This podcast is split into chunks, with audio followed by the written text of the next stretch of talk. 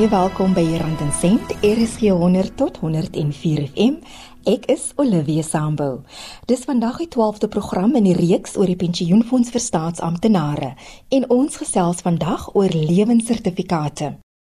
Die program word met trots aangebied deur SAK Radio Opvoedkunde in samewerking met die Pensioenfonds vir Staatsamptenare. SAK Opvoedkunde vir ryk denke, vir ryk lewens. Lewenssertifikate was vroeër jare uitgereik aan pensionaarsse om te bevestig of die pensioenfonds vir staatsamptenare wel die geld aan die regte persoon betaal. Maar die metode het baie ruimte vir bedrog geskep. Omelia Hartzenberg van die Agentskap vir Regering Pensioenadministrasie in die Wes-Kaap sê tegnologie het die verifisering van pensionaarsse aansienlik verbeter. Voor ons stelsel gekoppel was aan Home Affairs, het ons elke jaar hierdie lewenssertifikaat gedruk en aan die lede gestuur. Hierdie dokument moes dan na 'n polisiestasie toe geneem gewees het, deur 'n kommissaris van ede voltooi gewees het. So met ander woorde, dit was 'n bewys wat 'n pensionaris moes ingehandig het om te sê ek lewe nog, jy kan maar voortgaan met my pensioen. En dit is ook 'n wonderlike stelsel gewees om te gefraud het, om te defraud dan is ouma goeters en pa goeters is dood, maar die kind goeters vat nog altyd die lewenssertifikaat na die polisiestasie toe en laat dit invul. Dit is hoe ons spooke betaal het. Toe kom hierdie wonderlike stelsel in, nou ons gekoppel aan Home Affairs. Sodra die doodsertifikaat gedruk is, word ons in kennis gestel. So met ander woorde, die inligting filter deur. Dit gee vir ons 'n date of death en ons stop onmiddellik die pensioen. So toe ons nou in hierdie pragtige verhouding kom met Home Affairs, het ons ook gestop om lewenssertifikate te druk. Want wat nou gebeur is, een keer 'n jaar verifieer ons ons pensionaars se besonderhede teen die Home Affairs database. Dan kry die pensionaars 'n SMS om te sê ons het jou besonderhede geverifieer. Jy's nog goed vir die volgende 12 maande. Lewenssertifikate word vandag steeds uitgestuur na pensionaarsse wat in Suid-Afrika bly, maar slegs in uitsonderlike gevalle.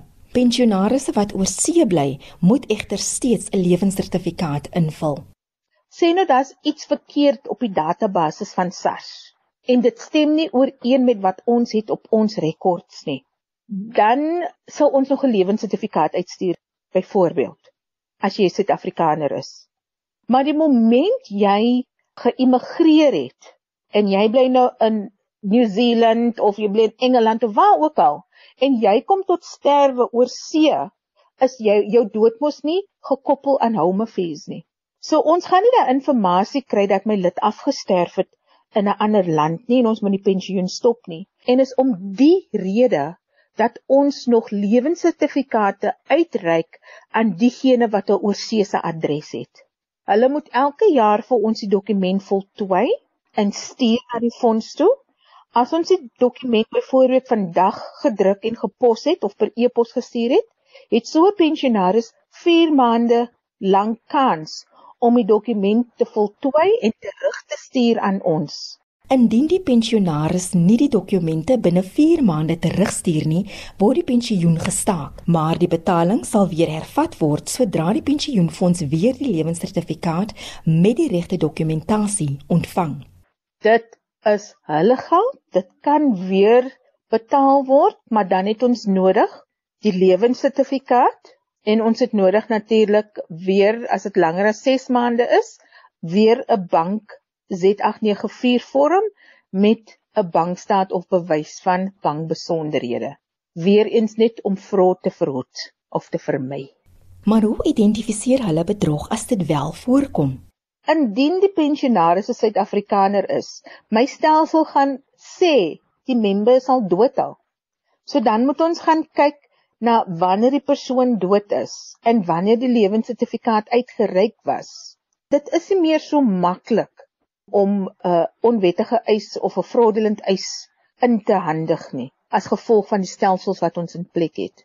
Net weer die dokumente wat nodig is as jy 'n lewenssertifikaat inhandig.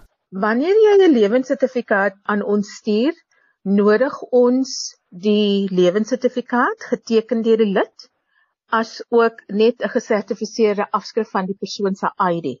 Die sertifiseringsstamp mag nie ouer as 6 maande wees nie. Vir diegene wat oor see bly, daar's 'n gespesifiseerde e-posadres wat hulle dan hulle hulle lewenssertifikate na toe kan stuur per e-pos in steede om dit te pos want jy weet mos nou met die korona en alles hoe lank dit gaan vat om by ons te kom. Indien jy jou pensioen na 'n finansiële instansie oorplaas, mag dit dalk jou opbrengste vermeerder, maar daar is risiko aan verbonde omdat dit 'n markverwante opbrengste is. Die pensioenfonds vir staatsamptenare waarborg egter jou pensioen vir so lank as wat jy lewe, sodat jy gemaklik kan aftree, sodat jy jou standaard van lewe kan behou. Ek is ongelukkig nie 'n finansiële adviseur nie, so ek kan nie vir 'n lid sê dis beter om dit te doen as om dit te doen nie, want my omstandighede kan anders wees as 'n ander persoon se. So as ek moet aftree vandag, dan sal ek my geld by die GEPF los. Ek gaan vir jou sê hoekom. Die pensioenfonds by die Government Employees Pension van my maandelikse pensioen gaan gewaarborg wees deur die fonds ek gaan elke jaar 'n verhoging kry. As ek my geld buiten toe neem, en onthou wat buite is, nê, uit die GEPF uit, dan het ek geen waarborg nie, want dan maak ek my geld markverwant. En needless to say, ek en jy weet mos wat markverwant beteken. Die ups and downs, as ons markte val, as ons markte opgaan, ons is dan uh, blootgestel daaraan. Jou inkomste Jou brood en bottergeld is blootgestel aan marde. Ek het iemand gehelp en hy sê toe vir my Oumilie, onthou ek het vir jou dit en dit gevra. Toe sê ek, "Ja, ek is besig daarmee. Ek wag net vir die kwotasie." Toe sê hy vir my, "Maar ek kan nie meer die kwotasie bekostig nie." Toe vra ek, "Hoekom?" Toe sê hy vir my, "Oumilie, want um, die markte het geval.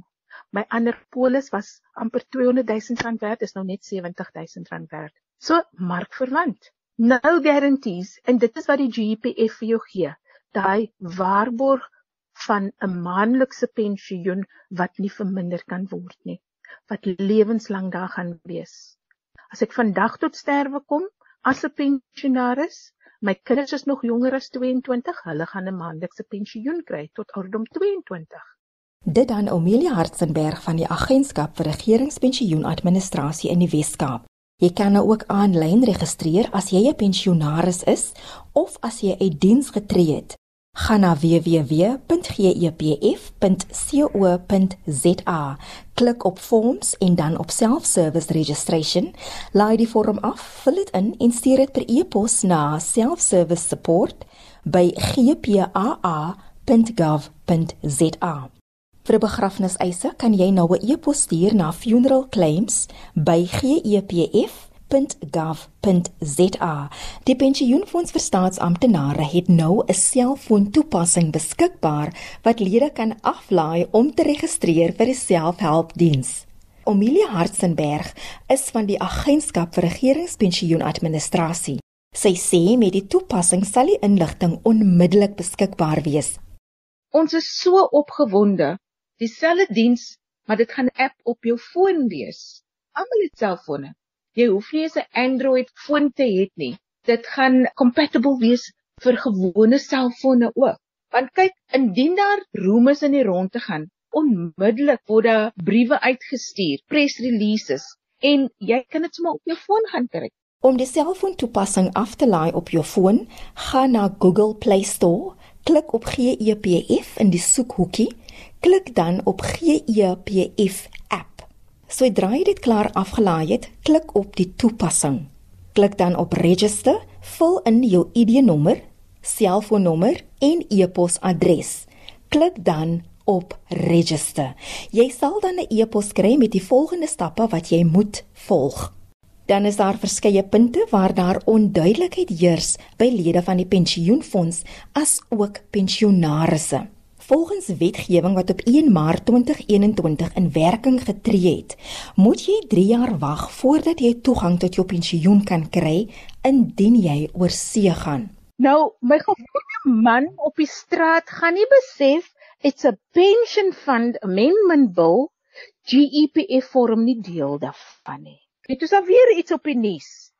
Van retirement annuities waar die president gesê het vir 3 jaar mag jy nie as jy retire en jy trek oor jy met ander woorde jy immigrate.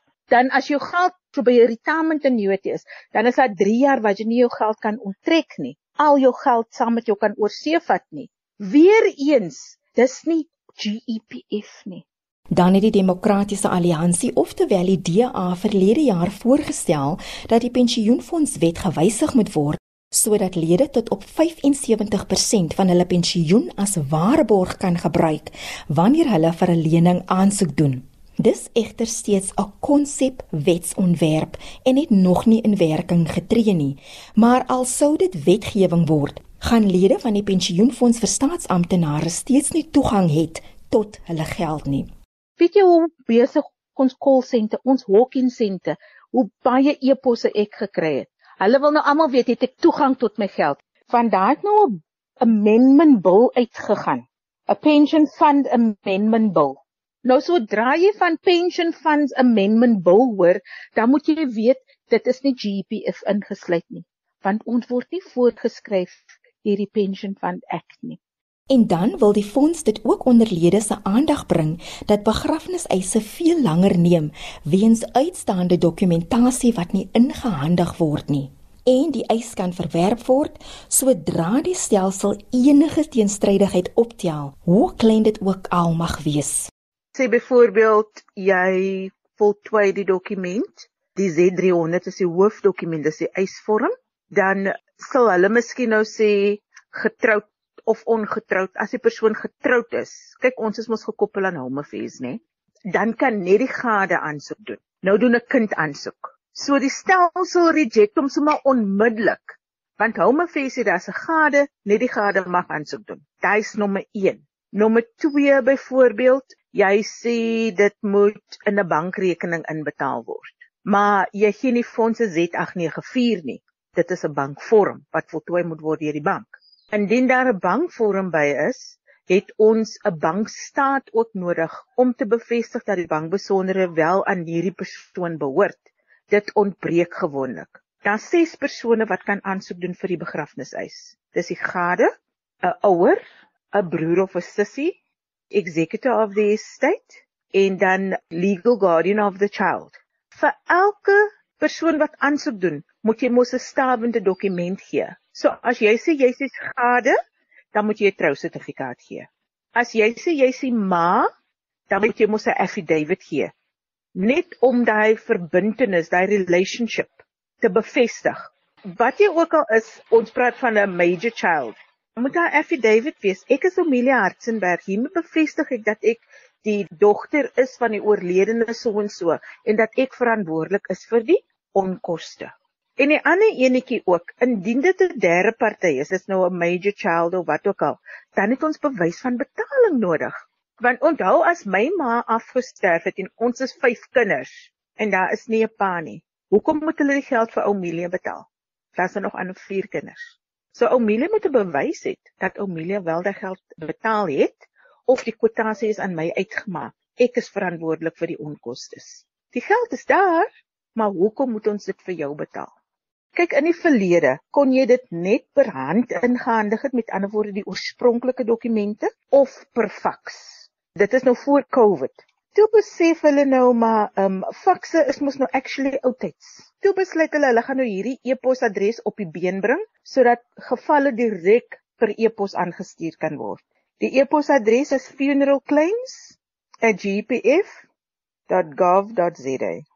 Daar heers ook verwarring onder lede dat hulle toegang het tot hulle pensioengeld wanneer hulle van een departement of van een provinsie na 'n ander verplaas word. Dis nie 'n exit nie. Onthou, wanneer het jy toegang tot jou geld, tot jou pensioenfonds? Dit is wanneer jy uit diens uittreë. En 'n transfer is nie uit diens uittreë nie, dit bly 'n transfer. Die manier hoe 'n persoon uit diens tree, gaan bepaal hoe die voordeel betaal gaan word. Nou kry jy 'n persoon wat byvoorbeeld by Tygerberg Hospitaal werk en die persoon het 'n ander pos gekry by Karl Bremer. So as die personeelbeampte dit gelaai het as 'n transfer van een departement na 'n ander, kan my lid nie die geld cash nie. So dit is 'n transfer tussen departemente. Dis nie 'n bedanking of 'n aftrede of die persoon kan bedank by die eerste departement en het 'n nuwe pos elders anders gekry. Dan is dit dan daai lid se keuse. Alhoewel hy of sy bedank het by die een departement en begin by 'n ander departement, dan mag die lid kies om nog steeds aan te gaan. Hy het bedank by die departement, maar hy wil nog steeds aangaan met sy pensioen. So gesels Omelia Hartzenberg van die Agentskap vir Regeringspensioenadministrasie. As jy 'n lid is van die Pensioenfonds vir Staatsamptenare, kan jy na enige van die instapdienssentrums toe gaan om jou dokumentasie in te dien of as jy probleme ondervind met jou eise. Jy kan ook die fonds kontak op 0800 117669. Oproepe na die nommer is gratis vanaf enige Telkom lyn. Jy kan ook 'n e-pos stuur na inquiries@gepf.co.za of besoek die webtuiste by www.gepf.co.za. Jy kan ook begrafniseise indien by funeralclaims@gepf.gov.za. Vir die selfhelp opsie kan jy ook nou die selfoontoepassing op jou foon aflaai. Jy registreer dan op die toepassing met jou ID-nommer, selfoonnommer en e-posadres. Totsiens van my Olivia Sambo hier op Rand en Sent. Is 100 tot 104 FM.